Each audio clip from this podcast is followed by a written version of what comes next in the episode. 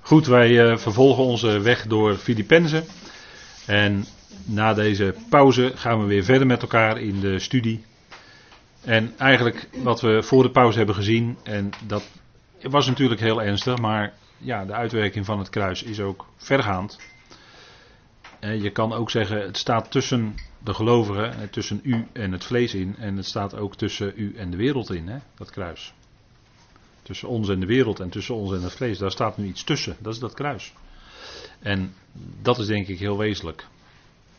Kijk, de, Paulus vervolgt dan doordat hij zegt in Filippenzen: hun heerlijkheid is in hun schande. mensen hebben godsdienstige bewegingen, godsdienstige samenkomsten. En, en niet zelden zien we daar dan ook uh, een, een, kruis in een gebouw of op een gebouw staan als een soort ornament. Hè, of mensen dragen dat als een versiering aan een halskettingje of wat dan ook. Met alle goede bedoelingen. Maar in feite uh, wordt dan toch vaak de, de boodschap, de werkelijke boodschap van wat het kruis werkelijk betekent. Hè? De, de schande die het betekende en betekent. Hè? Van dat die oude mens daar mede gekruist wordt, dat de Heer aan het kruis genageld moest worden om zo die oude mens mee te nemen en zo definitief uh, de zonde weg te dragen. Ja, daar was het kruis voor nodig en dat ging dus heel ver, dat ging dus heel diep. Het lam van God dat uh, werd daadwerkelijk uh, in een beeld gesproken geslacht. Ja, dat heeft alles met het kruis te maken en daarin wordt zichtbaar wat er met die oude mens moest gebeuren. Wat de weg is van het vlees, dat, daar moest een einde aan gemaakt worden. Hè. En anders dan is er veel, er wordt misschien wel veel gedaan, hè, maar men is toch vaak religieus bezig. Zonder het misschien te beseffen, men is religieus bezig. En het kruis maakt gewoon een einde aan de religie. Het antwoord op de religie is Christus. Antwoord op alle filosofie is Christus. En daar heeft het kruis alles mee te maken. Want daarin wordt zichtbaar dat het niet draait om ons, maar het draait om zijn werk. Hij zei: Het is volbracht. Dat hadden wij nooit kunnen zeggen. Zelfs niet met z'n allen als hele mensheid. Maar hij zei het en hij kon het zeggen. En toen was het ook volbracht. En, en dat was de enorme schande, het lijden hè, van het kruis. Wat het werkelijk betekent. Dat het helemaal niet een, een, een, mooi, een mooi versiersel is. Maar dat het helemaal niet zo fraai was wat daar eh, in werkelijkheid gebeurde. En wat het in werkelijkheid betekent. De vijandschap ging er ook aan. De vijandschap wordt gedood door het kruis. En vijandschap zit in het vlees van de mens. En op één manier kan daar een einde aan komen. Dat is via die radicale, die radicale weg van het kruis. En anders, als het, als het uit beeld blijft, de uitwerking van het kruis, dan zijn mensen misschien wel heel mooi godsdienstig bezig, misschien heel vroom, maar dan is, er, dan is daar niet die onderliggende waarde van het kruis zelf, hè, van, van de boodschap van het kruis. Die toch zo duidelijk in het evangelie van Paulus naar voren komt. En dat is denk ik wel een van de redenen waarom het evangelie van Paulus ook zo weinig bekend is. Omdat juist het kruis daarin zo centraal staat. Men gebruikt het wel als sieraad, maar beseft niet wat die stauros in werkelijkheid betekende. De menselijke afwijking, de ontaarding van het vlees, waartoe het vlees allemaal niet in staat is. Nou, we zien het verschrikkelijke, zien we dag aan dag in de nieuwsberichten. En daarvoor is dat kruis nodig, dat daar een einde aan komt. En in feite op Golgotha is dat ook gebeurd. Alleen de uitwerking er zal nog enige tijd verder. En we leven nu natuurlijk in het toppunt van de boze aion. De culminering van alles. Dan zijn we zo dichtbij dat de antichrist, de wetteloze, zijn troon zal bestijgen en zich zal laten aanbidden als God. dan is de mens God geworden. En in die tijd leven we, de mens centraal. De mens die werpt zichzelf op, zelf als God zijnde. En dat, uh, daar zal God natuurlijk dan in die tijd ook een einde aan maken, na verloop van tijd. Maar de, de, de wetteloze, die zal zich op de, zichzelf op de troon zetten. de mens zelf op de troon. De mens is de maat geworden van alles. Hè? En ik, u heeft dat wel vaker misschien gehoord, maar ik noem dat de dictatuur van de humaniteit. De mens is de maatstaf van de dingen. En, en dat is al natuurlijk, uh, ja, daar zouden we ver over kunnen uitweiden, maar een lang plan ligt eraan ten grondslag. En we leven in de tijd dat dat aan, aan het licht komt. Hè, dat het steeds meer zichtbaar wordt waar het naartoe gaat. In de eindtijd, als wij weg zijn, gaat het naar de aanbidding van de draak. Niet minder dan dat. En er was onlangs een bericht, maar ja, je weet nooit 100% zeker.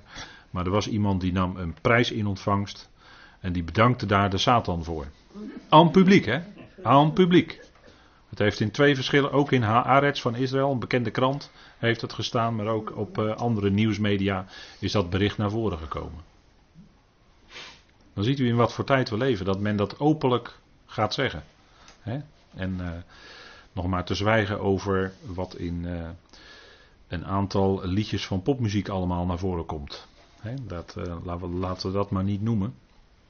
Want ik geloof dat Paulus daar iets van zegt. Hè? Het is te schandelijk om zelfs maar te noemen wat heimelijk allemaal verricht wordt en gezegd wordt en gedaan wordt en gezongen wordt. Maar het is het kruis wat een einde maakt aan al dat menselijke vlees. En daar gaat echt een einde aan komen. En het plaatje hier is van de vijgenboom. En dat is wat veel religie, veel godsdienst. Helaas, in zijn dagen was, constateerde de Heer dat bij zijn eigen volk. Hij zag wel een vijgenboom vol in blad. Maar toen ging hij onder de bladeren kijken en er was geen vrucht. Kijk, een vijgenboom die heeft grote bladeren, dat weet u hè. Grote bladeren ziet u hier ook op dit plaatje. Maar als je dan onder die bladeren gaat kijken en er zit geen vrucht, dat zag de Heer. En dat, daarin zag hij een, een beeld van de eigen volk. Hè. Waren grote bladeren en het, het leek allemaal groots en het leek allemaal uh, prachtig. Hè, maar uh, onder de bladeren zat geen vrucht. En de Heer vervloekte dan die vijgenboom. U kent die geschiedenis wel, Marcus 10. Hij vervloekt aan die vijgenboom en zegt hij aan jullie aan jou zal geen vrucht meer groeien voor de aion. En dat is ook waar geworden in zijn volk. Hè. Dat, uh, dat, zal, dat is vruchteloos totdat de Heer het weer gaat laten herleven door zijn geest. En dan zullen ze weer vrucht dragen. Natuurlijk, want het, blijft zijn volk, daar gaat het niet om. Israël. Maar dat is wat veel, dat is wat we ook veel zien in onze dagen. Dat is veel blad, vijgenboom, het lijkt veel, heel mooi aan de buitenkant en veel te zijn, maar in werkelijkheid is er geen vrucht. En dat is omdat de boodschap van het kruis, een doorwerking dus ook van het kruis in gelovigen, in levens van gelovigen ontbreekt. Ja, en dan is het, is het uh, schijnvrucht. Dan zegt Paulus, hun voleinding is de ondergang. Er wordt het woord telos gebruikt voor voleinding. Dat betekent einde, maar dat betekent ook doel. Hè? Waar het naartoe gaat is uh, ondergang. Is eigenlijk, uh, ja, je kunt het ook vertalen met destructie. Destructie is als een gebouw wordt opgeblazen. En als je dat gecontroleerd doet, dan gaat zo'n gebouw heel snel zo naar beneden. Hè? Dat noemen ze met een Nederlands woord controlled demolition. Dus gecontroleerde ineenstorting. Dat is destructie.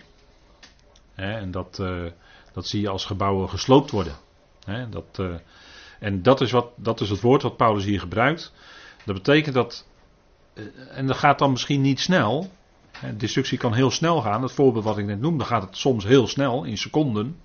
Maar het kan ook heel langzaam gaan en dan gaat het desintegreren. Dan gaat het langzamerhand verbrokkelen. En uiteindelijk blijft er alleen nog maar een puinhoop van over. Dat, zo kan het ook gaan. Hè? Want het woord betekent eigenlijk dat de dingen. Uh, het lijkt wel stevig te zijn, maar van binnen zit het als los zand aan elkaar. Zit er tussen de bakstenen geen cement. En op de duur gaat dat instorten natuurlijk. En, en Paulus noemde ook die, die tegenstrevers. Hè? Want een kenmerk van de vijanden van het kruis van Christus is ook dat ze het evangelie tegenstreven. Filippenzen 1 hebben we al behandeld, maar ik wil het even aan u laten zien. Want dan kunt u dat ook onderkennen. Filippenzen 1 vers 28.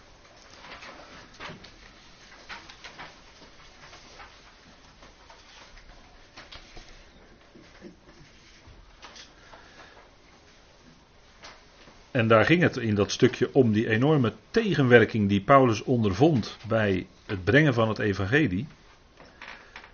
En dan zegt hij, en in niets verbijsterd wordend door de tegenstrevers, wat voor hen een bewijs van ondergang is, dat is hetzelfde woord, en voor jullie echter van redding, en dit door God. Kijk, en hier zegt hij, hun voleinding is de ondergang. Dus die vijanden van het kruis van Christus, die zullen zich ook verzetten tegen het evangelie. Dat lezen we hier in Filippenzen 1. Hè. Zijn tegenstrevers. Het woord geeft, hè, als het juiste woord op in de juiste tijd gebracht wordt, dan levert dat strijd op.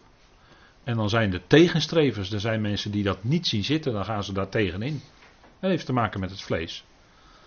Het vlees wat niet dat mede gekruisigd zijn accepteert, of daar geen weet van heeft, niet wil.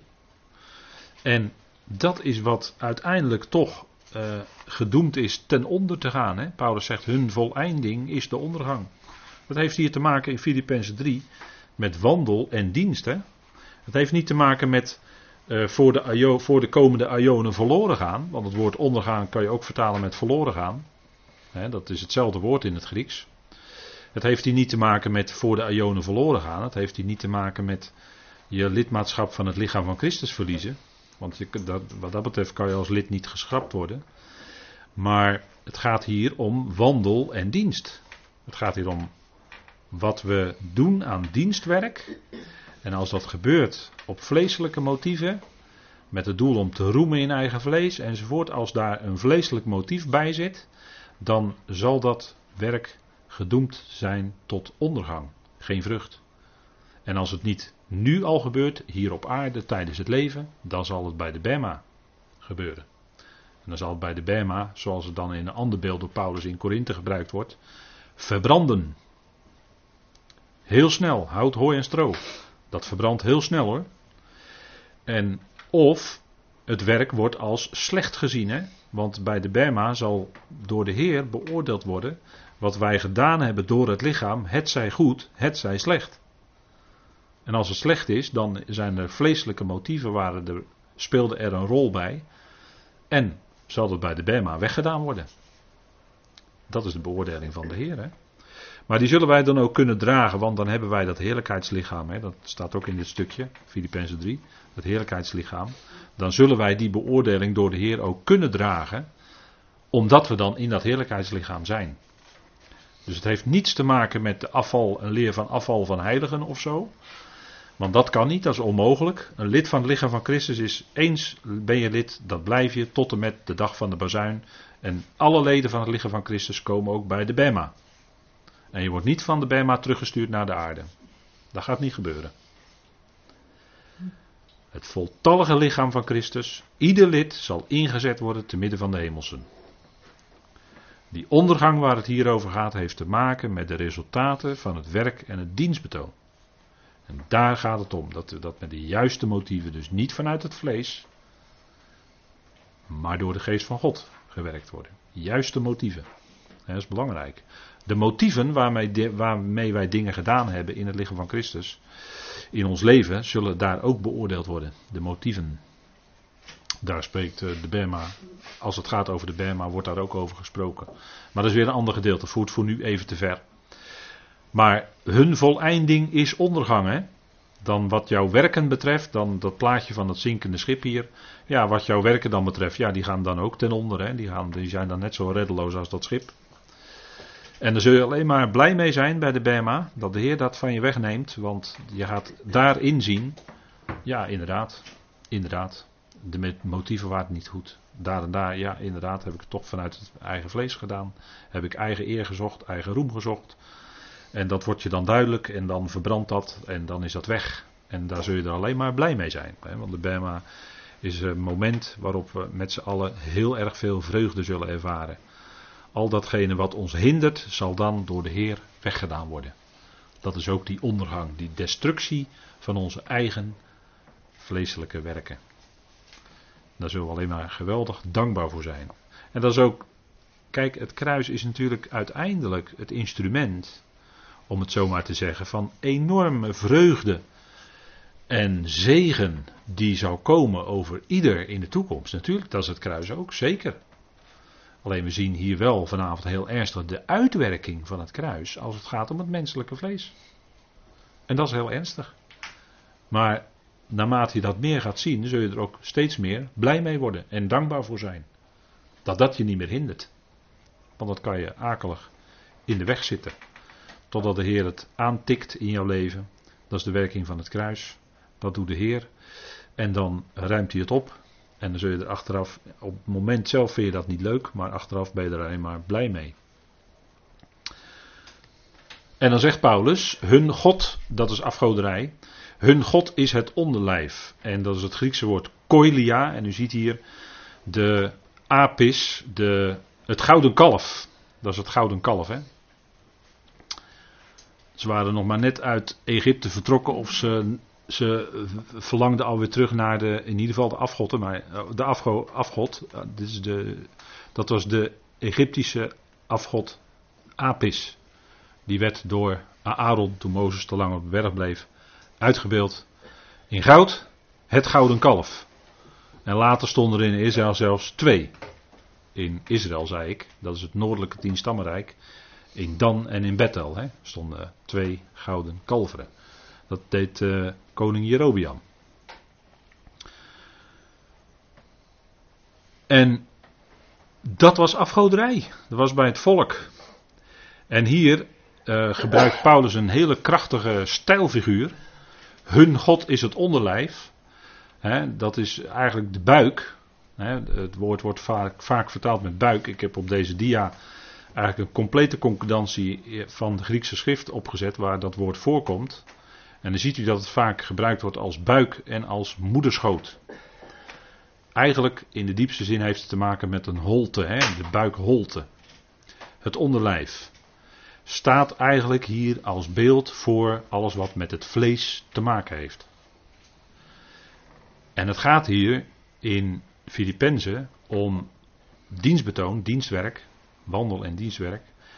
En bij velen is het zo dat zij het dienstwerk doen om er zelf in die zin beter van te worden, dat ze de roem of de eer willen hebben. En uh, vaak ook wil men uh, er flink aan verdienen.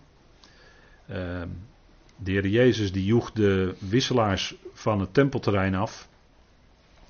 En uh, die zeiden, ja jullie hebben dat huis hier, jullie hebben mijn huis, het huis van mijn vader, tot een koopman, koopmanschap, tot een koopmanshuis, koophandel gemaakt. Hè. En waar zat nou die, waar zat nou die uh, boosheid van de Heer over dat wat hij zag en uh, gooide hij de tafels van de wisselaars om? Waarom was dat? Omdat ze eraan verdienden. Daar werden, daar werden offerdieren gekocht voor de offerdienst. Er kwamen mensen die kwamen daar oprecht om een offerdier te kopen. Die willen een offer brengen voor hun zonde of voor vergeving. Maar die wisselaars daar, die wilden eraan verdienen. Dus die wilden aan de dienst aan God, wilden zij zelf flink wijzer van worden. En dat, dat, daarom zei de Heer, jullie hebben het huis van mijn God tot een koopmanschap gemaakt. En dat was puur gericht op eigen gewin. Dus vlees.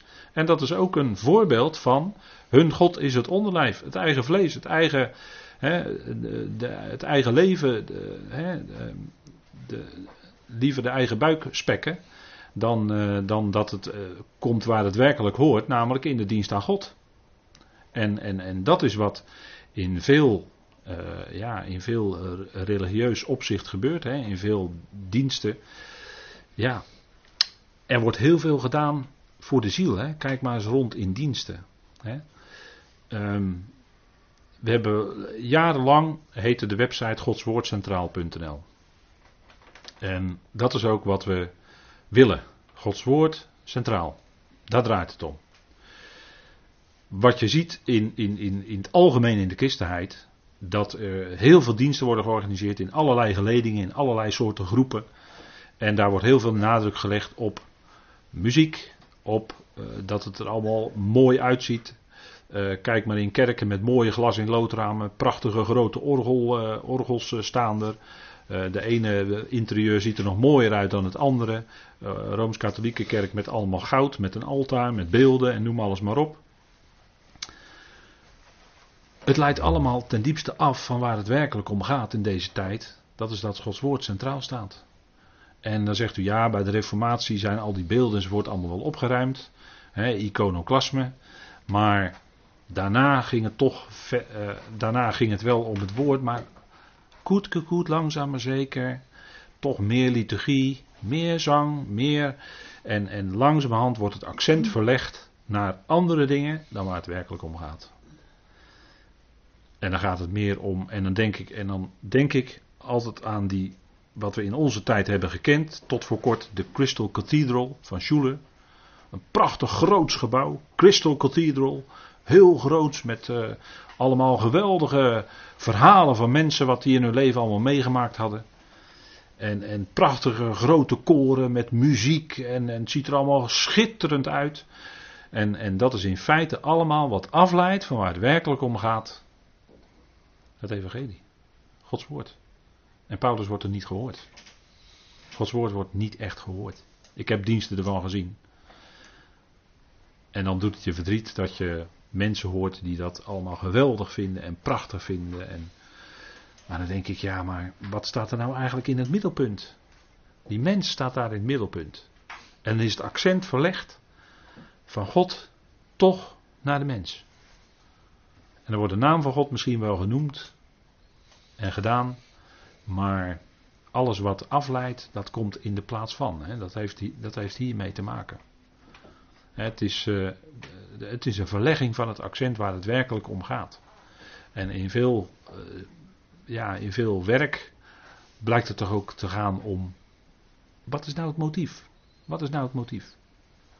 Dat je kan zeggen dat je zoveel, of wil je echt vanuit andere motieven helpen?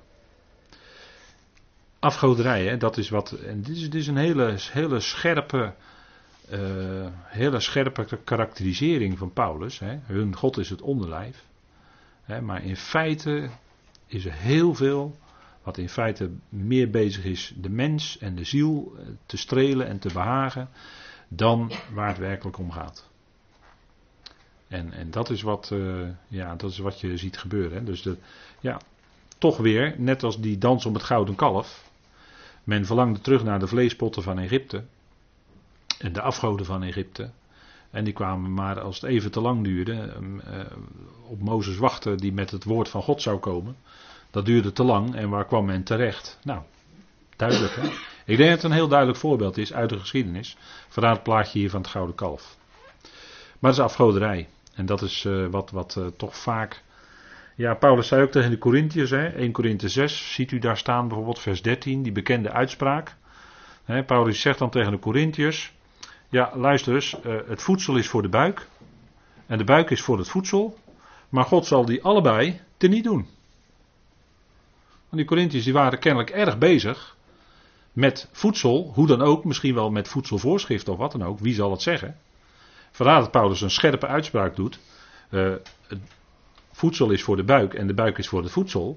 En jullie besteden daar heel veel aandacht aan. Maar luister, God zal allebei wegdoen, hè? Daar gaat een einde aan komen. En jullie vinden dat wel zo belangrijk en besteden daar zoveel tijd en energie aan. Romeinen 16 wil ik even met u opzoeken. Dat is wel een vergelijkbare tekst met waar we het hier over hebben. Romeinen 16.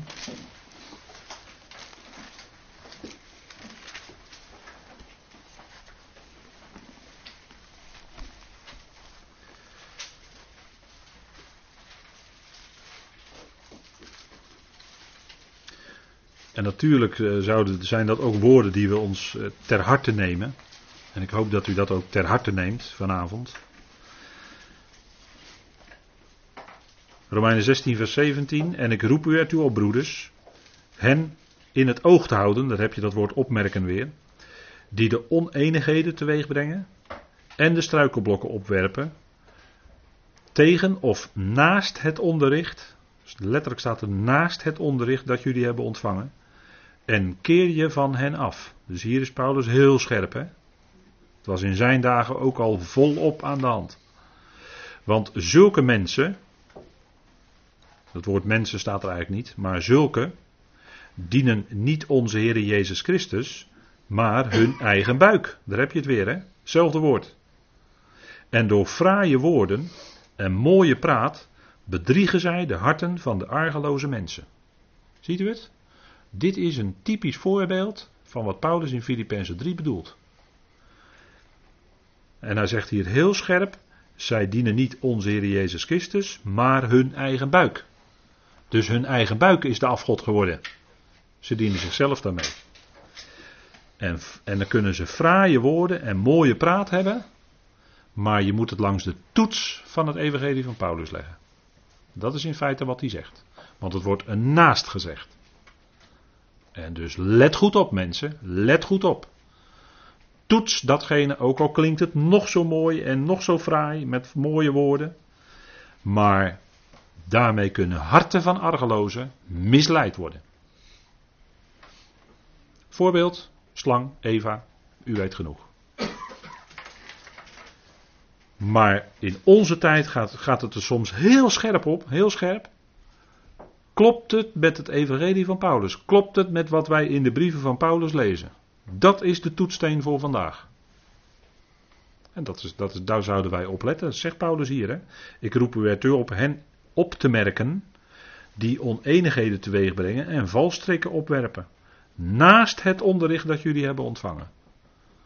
Dus het onderricht wordt intact gelaten, wat is ontvangen. Maar daarnaast wordt nog iets gegeven en dat leidt af. Dat is subtiel hoor. Dat is subtiel. Daarom zouden we goed opmerken wat gezegd wordt. En dat heb je soms als je geoefend luisteraar bent. Dan hoor je soms spreken. En dan hoor je de afwijking. Je hoort het. En dan ga je het na in de schrift. Ja, het wijkt daar en daar af. Staat anders. Paulus geeft het anders aan. Het wijkt af. Ja, en dan, ja, dat is dan heel jammer. Maar dan wijkt het af. En dan uh, laten we het liggen waar het moet liggen, links. Ja, ernstig woord, hè? Ernstig woord. Zij zijn op aardse dingen gezind. Hè? Het gaat om de gezindheid. Het gaat om de gezindheid. Het, het, is niet het bedenken alleen van aardse dingen. Dat is dan tot op zekere hoogte nog tot daaraan toe. Maar het gaat om gezindheid. Ze zijn op aardse dingen gezind. Aardse dingen gezind. Dus het gaat om een grondhouding, gezindheid. Het gaat om een houding hè, die je hebt. Ten aanzien van. Nou, als je houding is gericht op de aardse dingen. Dan kan het ook zijn dat je ziet een, misschien een aardse toekomst voor jezelf. En dan zit je ernaast, want dan heb je kennelijk iets gehoord wat gegeven is naast wat je hebt ontvangen. Ze zijn op aardse dingen gezind. Colossense 3 vers 1 als schriftverwijzing, nou die geef ik dan mee om zelf lekker na te kijken. En u ziet hier een plaatje van Kreta. En Kreta, daar was iets mee. Met buiken en zo. Moet u maar eens nalezen. Goed, tot zover voor vanavond.